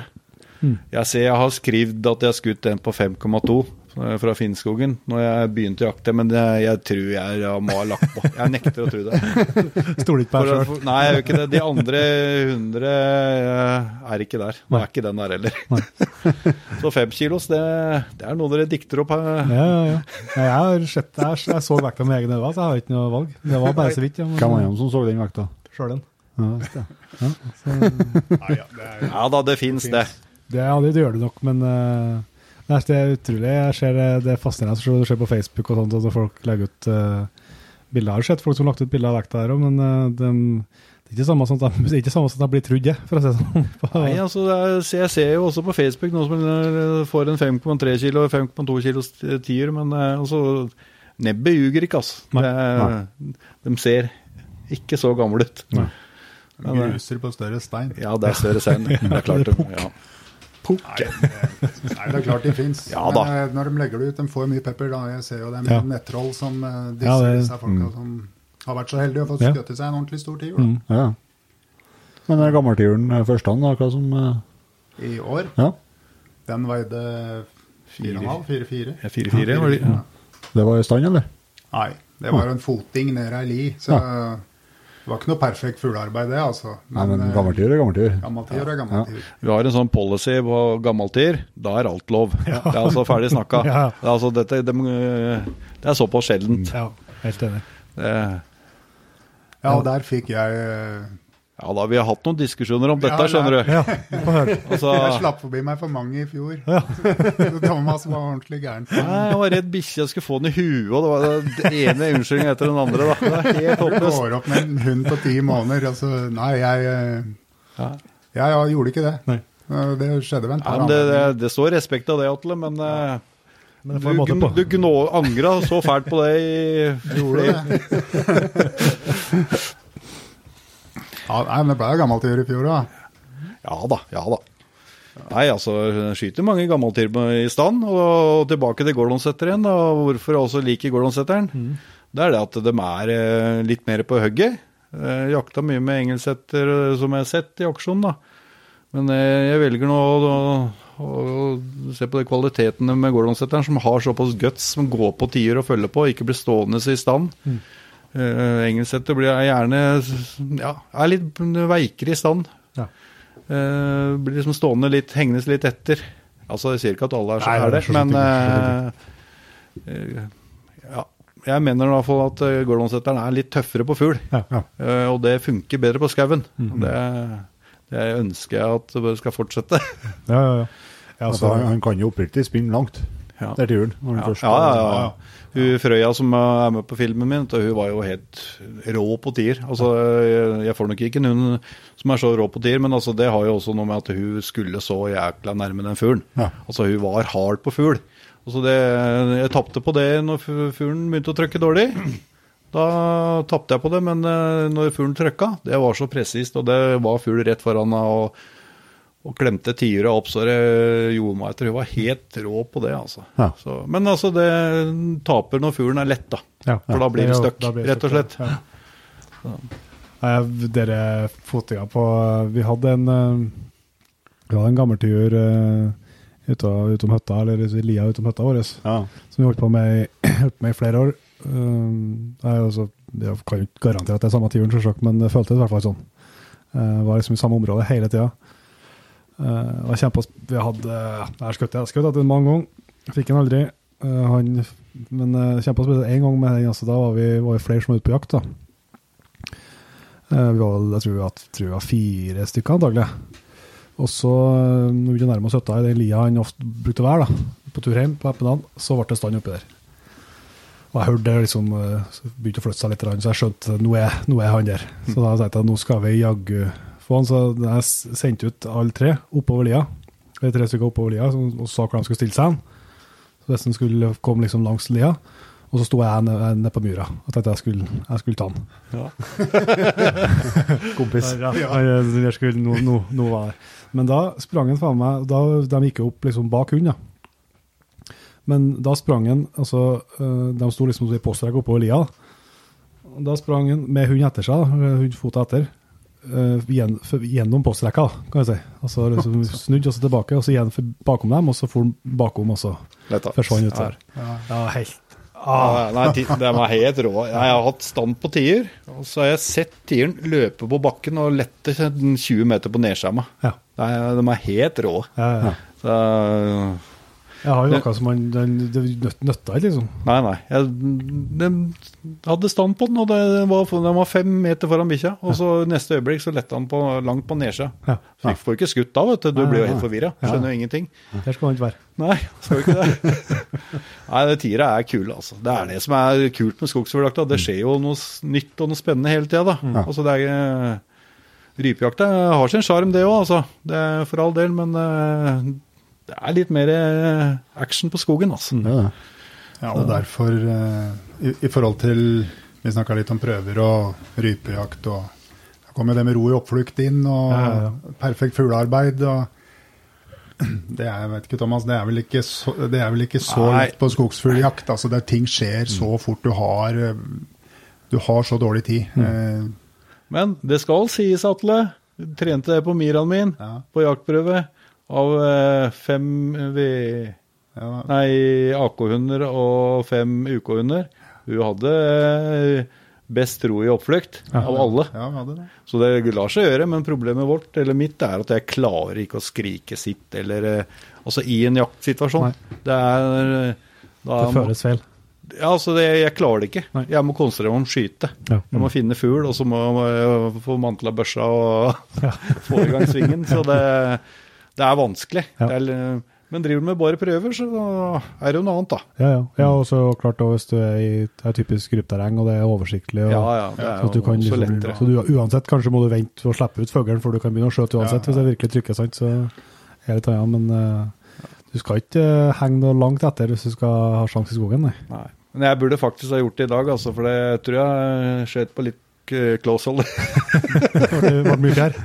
Uff Uff a meg. Jeg har noen femmeter i dag. Den Ja. trøkka så voldsomt bra. I hvert fall rypene var helt Ja. sinnssykt. Ja. Ja, ja. Men eh, du sa jo at du har fått eh, felt over eh, 100 tiurer. Det er jo ikke så mange som, eh, som, som har eh, et så stort eh, du, du må, Noen tips og erfaringer må du jo kunne eh, dele. Nei, det er hemmelig. Det er sikkert, det er sikkert derfor du lager film. Det er tipset. ja. Altså, jeg har, det er ikke noe tips i det, annet enn å være mye ute. Nei. Altså, når jeg begynte å jakte, så, altså, og ikke minst utrolig tålmodig kone. Ja. Vært sammen med meg tykt og tynt siden vi ble sammen. Ja. Hun har hatt mye aleinekvelder, for å si det sånn. Mm, -hmm. Jeg hadde vel eh, altså Det er jo 50-60 jaktdøgn vet du, når jeg begynte å jakte. Det, jeg var på skauen støtt. Ja. Ja. Og da blir det jo resultater, da. Mm. Det, det er ikke noe annet enn det. Det er fasiten på mye rart, det. Er bare å være ute. Ja da, altså Jeg var eh, ordentlig ivrig. Jeg er ivrig, det er ikke det, men det får ikke til like mange dager nå. Nei. Nei. Men eh, nei, jeg, jeg var mye ute. Men det, er hvordan eh, liksom, Det merka jeg på hunden min etter hvert at eh, jeg kunne jo se om det var tiur eller, eh, eller ikke. På hund liksom, har du hatt noen av hundene dine som du kunne liksom, at de oppfører seg annerledes på, på tiuren? eller? Ja da, altså tilbake til den eh, signalhalsbåndet, så hørte dere på foting. Ja. ja, eh, ja. på den, og så hvis det letta tier, så hender det at eh, i hvert fall eh, Frøya vi bjeffa Mm. Bare på tier. eh, Altså i en oppflukt. Ikke sånn sånn, men hvis det letter en tier inn i tettheten, så begynte det å bjeffe. Ja.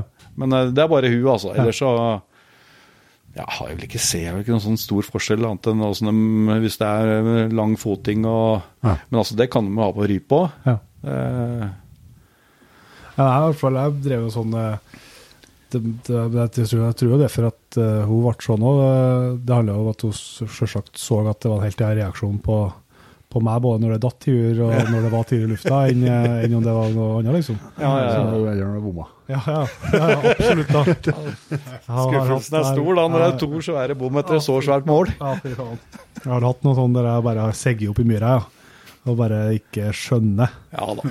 Jeg har, jeg har, jeg har to i år, ja, altså. Og jeg veit ikke hva jeg driver med, men eh, jeg tror jeg skyter en meter over på to klokkeregner i stand nå. Og, Ja. eh, Det var tårer i øyekroken da. da. jeg jeg var så frustrert, jeg skal innrømme det. Altså, Det var jo ikke mye fugl. Jeg hadde de beste sjansene jeg var på gammeltider. Det sier jo litt. I stand. Kommer på sida, det letter på en 20 meter. Jeg jeg søk, sakk sammen i myra da, altså, for å si det sånn. Det, den, den svei. Ja.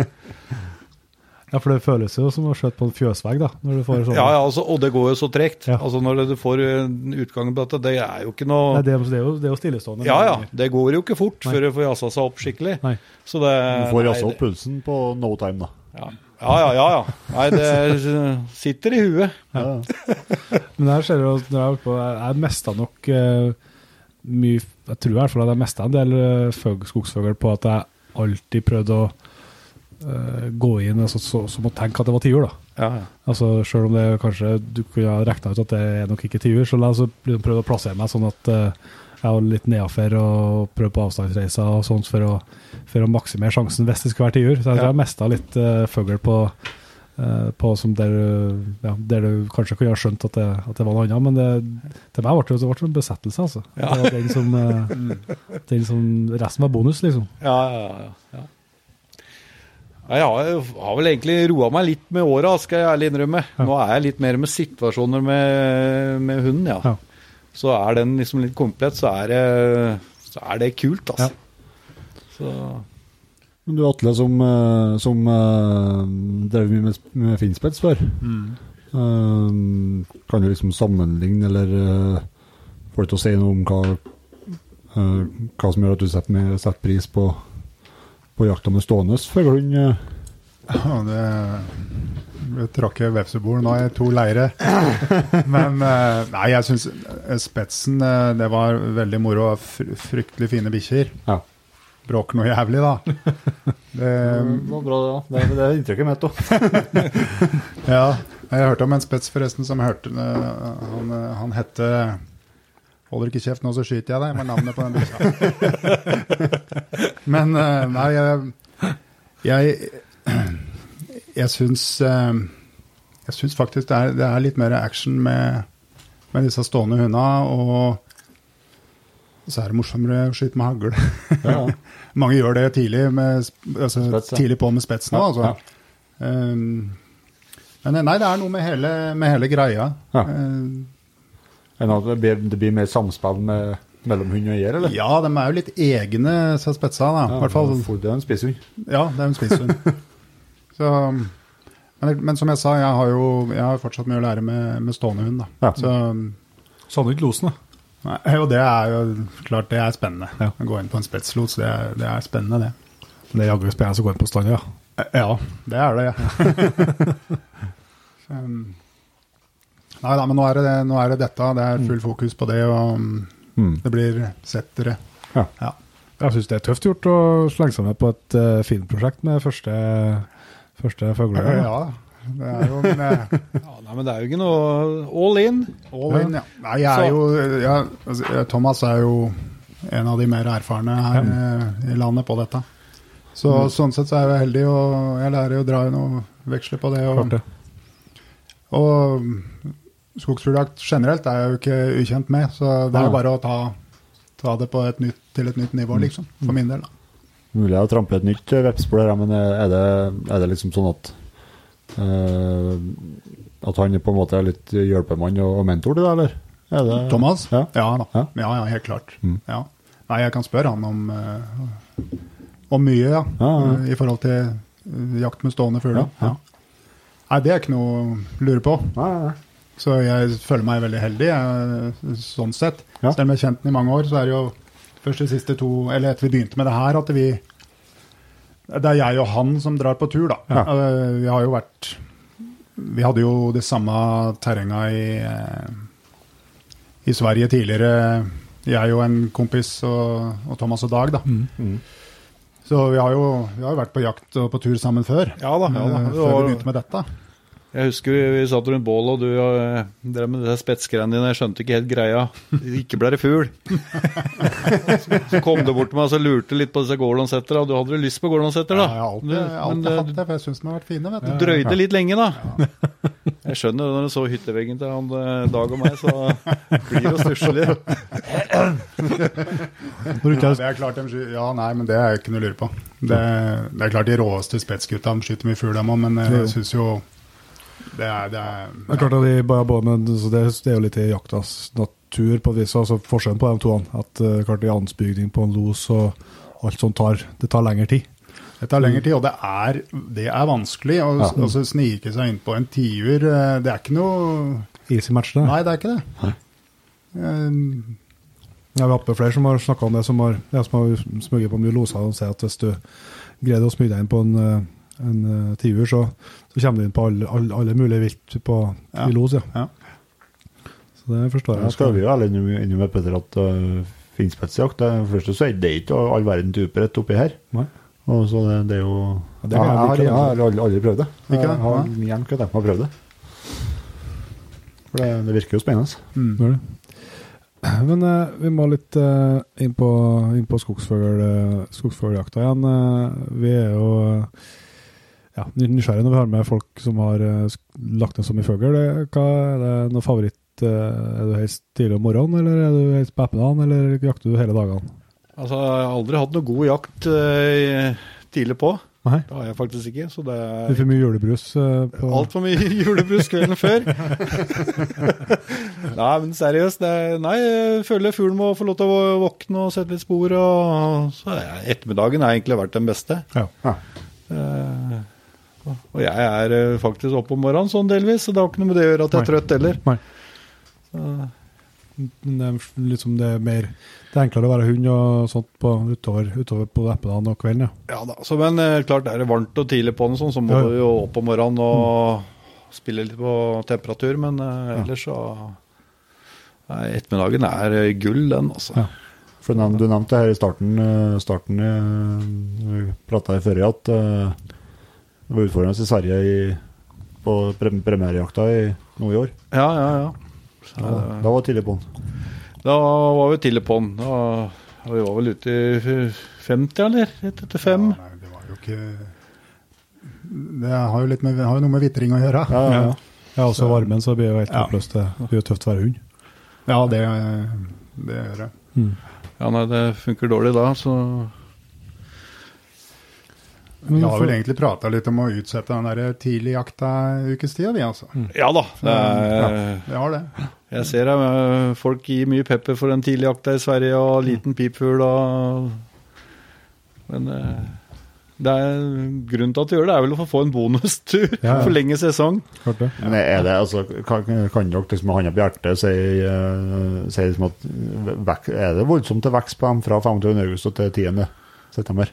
Nei, egentlig ikke. Nei. Det, er det små kyllinger, så er de jo grisesmå, men uh, det kan jo være 10. september òg. Ja. Så det er Jeg har ikke noe Ja, selvfølgelig noen ganger så er det små kyllinger, Ja. men uh, det er ikke noe regel. Nei. Uh, har ofte fine kyllinger 25. august. Mm. Så, og at det er så utrolig mye lettere, det er jeg ikke helt enig i. Så selvfølgelig har du disse som eh, flyr rett opp i buska og setter seg. Jo, jo. Og da er jo Vil du skyte den da, så er jo det lett. Ja, ja, klart det. Klart. Men eh, det er jo ikke så veldig moro, da. Nei. Nei, og så er jo ofte kan vi være i veldig, veldig tett, og Ja. sånn, så det trenger ikke være så enkelt å, å komme til for de. Nei, altså utfordringen av tidligjakt det er dårlig vitring. Mm. Det er ja. Og så er det tørt, så sitter de gjerne på sånne litt sånne eh, vanskelige plasser, da. Mm. Eh, men klart, knekker du de kodene, så kan du gjøre det bra, da. Det er ikke det, men eh, Nei, det Vitringa som er nå, da, her ute, er jo helt rå. Ja. Altså, den plukker fugl Jeg har jo hatt et par eh, skadeskytinger, og det har jo vært finner dem tvert. Ja. Det er ikke det er 50 meter og bare si apport, og så er det rett ut og hente ei rype, liksom. Det ja. så at det er griselett 25. august, det er jeg litt uenig i. Ja. Så, Ja, altså, men jeg har tenkt eh, så på Vi har snakka om rundt elgjakta. At det er jo litt sånn at uh, jakta blir jo egentlig bare bedre og bedre utover høsten. Ja, ja. Uh, så vi har jo snakka om at jeg kanskje skal droppa en uke med ferie i første, og så heller tatt den lenger opp på høsten. Da. Men samtidig så vet jeg jo sjøl hvordan jeg hadde hatt det i kroppen, da. Hvis Ja, jeg skal ha sittet på jobb. eh, Akkurat det vi føler ut, og derfor må vi over til 17. jord 25. Ja. august. Sjøl om du tenker at ja, det er trenger men så bare Nå har vi sett det, da. Ja. Det kjennes jo brutalt ut. Ja, da, nei, jeg pleier å ha en sånn eh, marsjrunde jeg på Rypa. Ja. Atle han eh, skjønner ikke hvorfor jeg gidder det, da. Nei. Men altså, det, da blir det jo ikke lenge til jaktstart. Nei. Når du liksom Nei, eh, jakter så seint. Strekk den helt uti det. Ja, ja. Mm. Så jeg klarer liksom ikke å la være, da. Nei. Vi har ikke litt duer, da, vet du. Ja, Men da er det tilbake til det stående fuglen, da. går Gordon setter og Men eh, jeg syns jo vi må nøtte på det når vi har med dere, og det er to eh, valper i, hytta her, eh, og med, ja, med bakgrunn i prosjektet og skal sånn. Hvordan, eh, hvordan tenker dere, dere er erfarne hundfolk, hvordan tenker dere når dere velger valp fra ene, Vi har jo vært litt inne på linjene og hva dere har ønska der på, på Gårdenseter, men, men i valpekassen, ja. Hva, dere har jo sikkert dere har filma og studert litt og sånt? da. Ja, For min del så hadde ikke jeg noe valg, for jeg, det var- tre som var på lista, og jeg var nummer tre. og det, det kom bare tre, så da, da måtte Ja, du har jeg ta jo henta noen valper før, og så tar du liksom, har du noen teorier og tanker om kring Eh, ja, jeg har det, og jeg må ærlig innrømme at jeg har tatt litt eh, feil. Jaha. Eh, Nei, jeg tok vel en eh, som var eh, ja, sist eh, var mest på hogget, og mest våken. Jeg skal ærlig innrømme angre litt på det. Eh, Det krevde litt eh, mer jobb enn eh, de andre. Ja. Så, men eh, det gjenstår å se, da. Det kan jo bli en eh, utrolig bra jakthund. Jo, jo, jo. Så, Jeg er så klart at det er jo ikke, det er jo ikke der, eh, det er jo ikke i valpekassen på hvis det blir avgjort om du får, om du får til en bra jakthund eller ikke, men nei, det, det, det sier jo kanskje noe om typene. Ja da, jeg eh, er såpass dristig og tør å påstå at uh, riktig eier får til de fleste hundene. Ja, ja, ja. Uh, det er ikke det at de blir verdensmestere alle sammen, Nei, for det gjør de ikke. Men at eh, man eh, med riktig eier så kan du få til en helt grei jakthund. Det er jeg helt sikker på. Ja. Eh, og, og at eh, ja, kanskje prøvefolket påstår at de ikke har jaktlyst og sånne ting, det tror jeg kanskje er litt mer eiere som tar bort. Mm. Eh, tar du en hund for hardt, så knytter hun eh, litt opp mot deg og tar bort litt av gutset. og Da blir en veldig oppsøkende på eier og kanskje ikke jakter så mye. Og, Mm. Så Ikke like selvstendig. ja, riktig. Så det er, det er litt eh, Det er en balanse, og de ja, våkne folka ser jo hvor mye sitt individ tåler, da, og hvor hardt du kan eh, håndtere det før du kanskje gjør noe feil. Ja. Det, så jeg, hun jeg sitter med borti kassa der, sånn, hun eh, er en eh, myk tass, men Ja. er tøff. Ja. Så må jeg det passe meg at jeg liksom tar litt mykere. Mm. Ja. Så jeg liksom ikke tar bort litt av den galskapen. Ja. For det er viktig å ha en hund. Man må, ha, må være selvstendig og tørre å Utfordre, utfordre litt òg. Ja. På den rette måten. Adle, nå, har du noen tips til hva folk skal se etter i, i valpekassen? Nei, det blir sånn som Thomas sier. Ja. Eh, og særlig hvis du Det er jo vanskelig, i hvert fall hvis du må velge tidlig. Ja. eh, og ikke kan se helt til siste uka i forhold til uh, om han er altså, oppsøkende og hvordan han, han beveger seg og sånn. da. Mm. Uh, det har jeg vært litt opptatt av, da, uten at det skal legge altså, kanskje for mye vekt i det. Men en, en hund som beveger seg lett, er eh, sannsynligvis eh, bra bygd. Mm, ja. eh, og vil da holde lenger dager og Mm. kanskje med mindre skade. Ja. Så, men det er jo ikke så lett å se det så tidlig. Det er ikke det. det er ikke det. Jeg flere har uh, sagt det med uh, fuglene at de skal holde, holde en eh, hel jaktdag og skal gjerne kunne jakte flere dager. Det er jo, høsten går jo fort, så du skal jo, skal jo bruke dem når du, når har jakt. ja. Og tilbake til ordentlig Gordonsetter. Ja, det vil jeg tro. Ha noen som har en passe fart, så Ja. holder, det, holder det hele dagen. Ja. Brenner ikke opp kruttet med en gang, det. Det er, løper det er klassisk, det. Nei. Det er jo, Hun som ligger der, er et ø, eksempel på det. Ja. Ja. Spring til det er tomt. Er, eh, der er det tomt. Ja. Men det er klart, eh, Bertha er ute i bilen og uh, fikk opp igjen, så jakta jo i dag. Men altså, nå, det har ikke rørt seg siden dere kom. Nei, nei, nei. Standby der, ja. Eh, Nei, det gjelder å porsjonere ut. Det må jo ikke gå så fort. Nei. Og så er det man eh, Jegere blir jo litt eldre og orker ikke gå så fort vi heller. Nei. Nei, altså er det jo absolutt ikke noe Det er jo ikke noe I hvert fall min erfaring at du skal ikke gå deg svett når du går på, på skogsfugljakt. Nei, altså, det, du er jo på jakt. Ja. Det, det er jo ikke noe sprint vi driver med. Nei. Selv om eliten skal ha sprinthunder, så det er jo jakt. Altså, hunder skal jo jakte. Mm. Eh, Jakt er ikke full sprut i løp. Nei. Jakt er eh, er fornuftig tempo, og Mm. få med seg alle sanser som er, og Mm. så Ja, Og da, i, i forhold til det vi snakka om med, med riktig bygd hund, da. Så eh, vi har jo sjekka litt på dette med sånn som han eh, eldste min. Ja. Han, er, han er veldig riktig bygd, eh, Ja. vil jeg påstå. Og det har jeg fått tilbakemeldinger på. Og han beveger seg eh, sånn at vi har, tatt, eh, vi har målt dem på, mm, på hastighet. Så, for det ser ut som han går så treigt. Ja. Eh, og spesielt da i forhold til Mira. Nå var det en mindre hund, selvfølgelig, så det er ikke helt sammenlignbart sånn sett. Men eh, det så eh, så som hun hadde mye høyere hastighet i skogen. Men, eh, men han lå to kilometer høyere i tiden. Ja, ja. Mira så ut som hun løp som en idiot. Og han bare traver, liksom. Og så går det enda så går det mye fortere. Så det har vel litt med bygning og, og Hvordan han tar terrenget. og- ja, hvor det, ja, ikke sant. Og da blir ikke Fysikken, ja. Ja, og da vil jeg tro at det ikke blir det løper, De løper seg ikke sånn i, i filler, da, som jeg kaller det. Men det er synd, eh, eliten ser jo ikke dette vet du, når du er på en jaktprøve. De, de måler jo ikke farta, de de, de ser med øya. Ja. Så ser de en hund som eh, kanskje bare lunter av gårde, men likevel så går det fort. Ja. Og så har de en liten tass da, som med korte bein og kort rygg. Mm. Det går jo så fort, men så går det ikke fort. Nei. Altså Nei, det er, det er mye tanker om dette. Ja, ja, det er det er bra, bra, bra å få dem fram. Eh, Atle, du sitter og tvinner på en tompatron her eh, i handa. Ja. Så vi har jo vært litt inn på haglene eh, bort som står borti hjørnet her, men mm. øh, øh, vil du så mye som dere dere i jaktevaktida har forska litt på ammunisjon på, på Stoksegård òg, eller? Jeg skal ærlig innrømme for min del, så har jeg vel egentlig bare putta i det jeg har hatt i lomma. Stort sett femmer. Ja. ja, men det er jo, det er jo nesten til diskusjon, det òg. ja da. Det er femmer og sekser og firer. Ja da, Men ja eh, da. har vi, nå er det BP. Det er, vi var inne på Ronny i stad. og Det er mentoren i forhold til haglpatroner, så vi bruker vel egentlig det han eh, har sagt vi skal bruke. Ja, vi, stoler bare på Ronny når det gjelder dette. Det er ikke noe tull på det. Det Han, fungert, han, han, for han forsker jo en del på det der. Han, forsker, han forsker så mye på dette, så jeg stoler på han. Så de hører det i lufta i dag, det er Ronnys skyld. Utelukkende.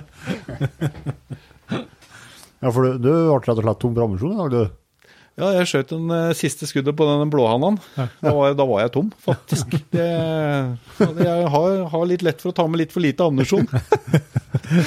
Sett litt press. Jeg setter litt press. Ja, men eh, ja, ja, de siste kilometerne er bare rett hjem. Livredd for at nå skulle tiden gå. Ja, nei, men Det hadde jeg sett på som en opplevelse. Det hadde gått greit, faktisk. Ja, Det er bra. Det var fem kilo, da. Ja, nei, nei, det fins ikke. Da skal jeg se først. Vi skal ta bilde av når vi kjører ut i kveld. Ja, ok. Nei, men vi har jo fått uh, begynt å ordre innom uh, mye som uh, både litt om prosjektet deres og tanker om, om hunde, om gårdensetter og, litt, litt på jakt her. Altså, jeg lurer på om vi skal begynne å, å runde av litt. Vi har noen litt sånn faste punkter som vi òg gleder oss til å høre fra dere. Og da kan du få starte, Atle, med om du har en, en, en stor jaktdrøm du kan dele, med, dele med oss. Ja, jeg har jo det, men jeg har jo innsett mine egne begrensninger. Eh, Jeg eh, Det, gjør du, det trenger du ikke tenke på i drømmer, vet du. Nei, det er sånn. Nei, altså, nordisk bjørn står høyt på lista. Ja. Det gjør det. Men eh, jeg veit ikke om jeg har det som skal til. Nei, eh, når, den, når den kommer. når den kommer, ja. Eh, men det må være det ultimate. Ja. Det, den, den står høyt. Ja. I los. Gjerne det. I stand. Ja. Ja, i stand, ja. Thomas har hatt stand på bjørn, faktisk. Har du? Ja, det har jeg faktisk. På 50 meter ved Frøya. Eh, vi gikk og filma også. Ja. Men eh, ja, vi så Bjørn eh, sto der, og bikkja sto i stand og tenkte faen, driver han med nå? Og Bjørn reiste seg på to bein, og han bare tar tak i bikkja og tenkte faen, du kan ikke gå bort til dette her. Og Bjørn slapp seg ned og kom nærmere. Ja. Og det hadde regna, så kameraet lå bak i sekken. Ja. Jeg, Dag som med børsa, jeg skulle rive opp kameraet, men da snudde han og løp. Så jeg, vi løper etter, sier jeg da. Og Dag sa nei, nei, nei, det kan vi ikke gjøre. Det var kanskje fornuftig å ikke be om reis, ja. Ja, det er, Jaktrum da, Damos? Har du noe? det er rett og slett en rakkelhane. Ja. Jeg ønsker meg en rakkelhane og i en stand. Det hadde vært det ultimate. ja. Det er jo tøft, ja. Det har jeg ikke skutt. Nei. Så, Tøft. Jeg har vært borti en, men jeg vet ikke om det Vi trodde det var i røy. Men så når vi, ja, når vi fikk, men så hadde, hadde, var langt oppe høsten, men hadde litt tiurfjær inni. Så det, det er for at, så det, jeg tror ikke det var raklene, altså, men jeg har hørt om at det finnes eh, Det står jo en på det står jo røy på nesten fem kilo på NTN, altså ustoppa på NTNU, som er en tiur. ja, ja, ja. Så jeg lurer på om det var en sånn okay. Variant vi var borti i Sverige en gang. Okay. Så det var en jævla raring. Ja. Karstein som skjøt. Men eh, vi har jo flere spørsmål, vi, og da er vi jo litt inne på utstyrssida. Har dere noe av jaktutstyret dere eh, bruker som eh, det dere har blitt godt fornøyd med, som dere kan tipse videre om? Det er Lundagsstøvla, det. Ja, Du, er Lundagsmann. Ja, det fins ikke noe bedre. Nei. Det, Får dem til å være tett, da. altså, ja, du, må, du må ha to par. Ja. Det er bare å innse. Ja. Og så må du smøre dem godt før du drar på jakt. Ja. Og så må du bytte hver dag, Mm. så det rekker å tørke. Ja. Da er du tørr hver dag. Men altså, du kan ikke gå med ett par. Det Nei. nytter ikke. Nei, for jeg har hatt Lundaks i mange år og syns det var fantastisk gode sko, men jeg, ble, jeg liksom fikk aldri at det, men det er vel det som er trikset, å ha to par. Altså ikke, for jeg, jeg endte jo opp med å tørke dem altfor hardt, Ja. og det liker jeg ikke. Nei, nei jeg, jeg kan jeg, ja. Nei, det er vel egentlig det. Og børsa, da. Jeg er så glad i det, vet du. Så Ja, jeg må si den børsen... Risinen er jo bare er et smykke. Ja, det er, Ja, kan Og den er, faller ned, det har jo regna og sludda og snødd hele uka. Jeg bare må hjem og pusse og gnikke og holde igjen og er livredd. da. Og det var ikke bare Jeg kunne også ville, Hadde du spurt meg i fjor, så hadde jeg også sagt til Lundagsstøvla. Altså, Men eh, eh, det var noe med den børsa der. og Det er ikke bare hvordan han ser ut og veier og sånn, men for, eh, hvordan den passa meg. Det var det som, var, eh, som gjorde utslaget på den. Altså. Ja. Det, det var eh, Ja. Nei, Ronny gjorde jobben sin der. Ja. Det, altså, Vi kjenner jo hverandre så godt, og han veit jo hva som passer meg. Ja. Og jeg veit jo hva som passer Atle. Så dette var bare innertier med en gang, det. Ja. så bra. Og så er det mm, Dere kan komme med deres beste jakttips.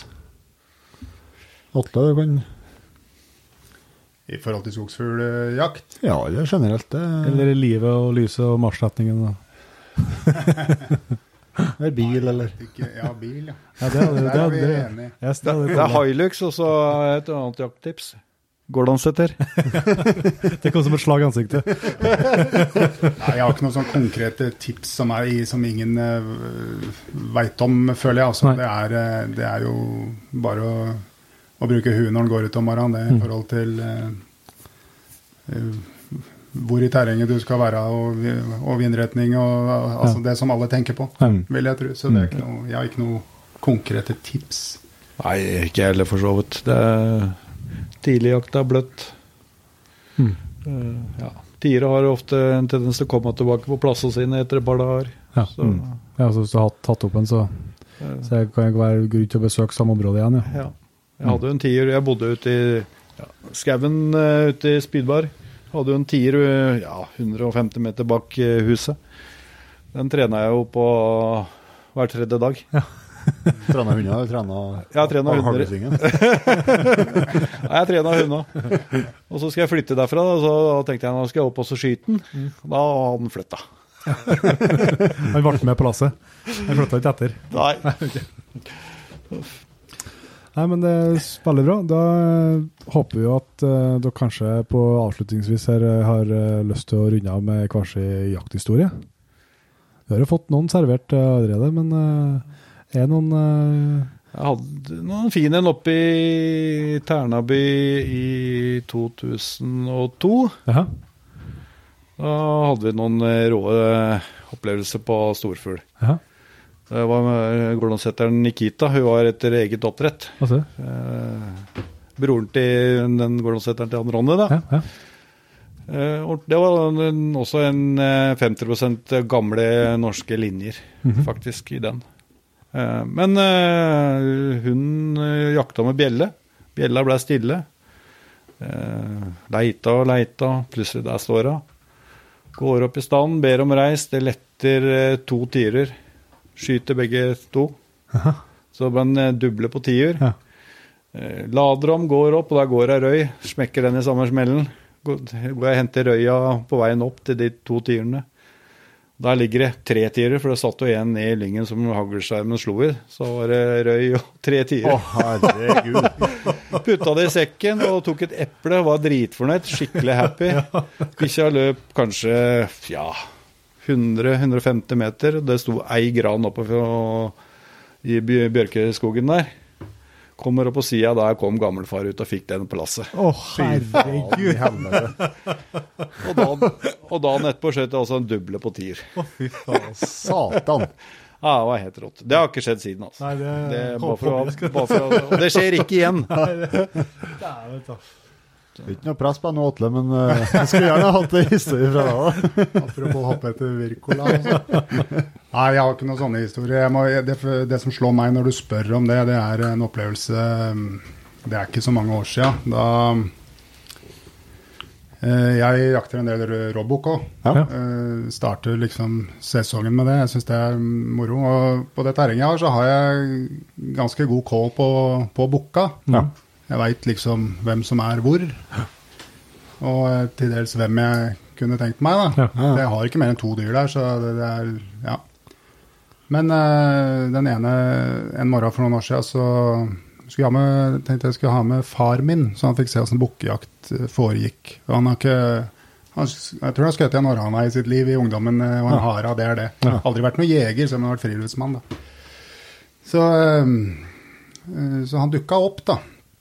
Og det, det er det som gjør eh, den opplevelsen spesielt for meg. Det er jo at han var med uh, meg ut på post. eh, Og at fra jeg satt meg og begynte å klemme inn en butterlon, så tok det, jeg tror ikke det tok fem minutter engang, eh, så skyter jeg en gullbok. Ja. Og den visste jeg ikke om oh, nei. Nei. på forhånd. Nei. Jeg hadde aldri sett den på terrenget mitt. Så det syns jeg var litt moro at han fikk være med å se. da. Ja, ja, ja. Eh, samtidig som han i etterkant har eh, rosemalt denne historien med at det sto denne fine røde råbukken eh, i eh, morgensola. Og det gjorde den ikke, vet du, for sola kom opp på andre sida. Så han sto i, i skyggen der. Men eh, han, han er pynta på det. Men eh, jeg syns det var moro å kunne gjøre det sammen med han, da. Ja, Klart det. Mm. Fantastisk. Nei, men da skal vi si tusen takk for at dere eh, ville ta en eh, prat, og åpen høttøra til to skjeggete gubber som bare kom uh, susende i skogen her. Det var veldig hyggelig. Veldig Og så lykke til videre med prosjektet deres. Hvis det er noen som har lyst til å følge med litt hvordan det går, så eh, er dere, har dere Facebook-side.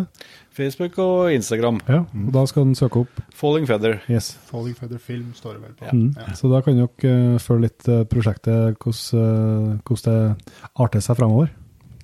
Ja. Det Mm. må de gjøre. Supert. Da ser vi ut tusen takk takk. for praten. Takk for besøket.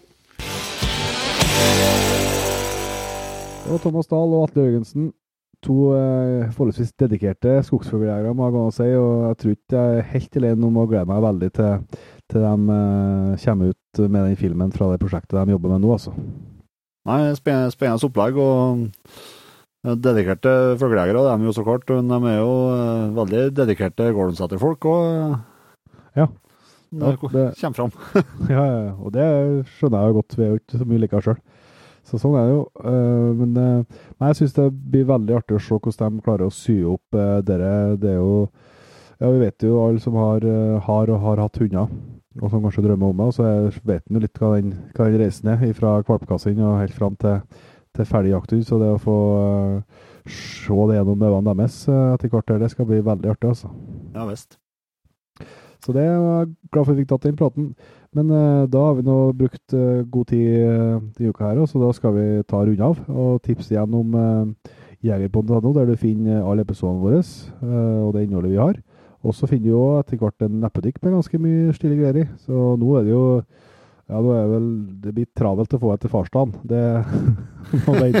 Men uh, jula står jo for tur, så det kan jo være at du, om ikke du kjøper julegaver, at du kan ønske deg i hvert fall. Det er noe godt tips. Uh, har du lyst til å støtte uh, den jobben vi gjør, så uh, er det også muligheter for å bli P3 igjen. Det setter vi enormt stor pris på. Så tror jeg vi nå uh, sier som vi bruker, Nygge, til neste gang uh, vi høres. Vi høres, og skitt jakt.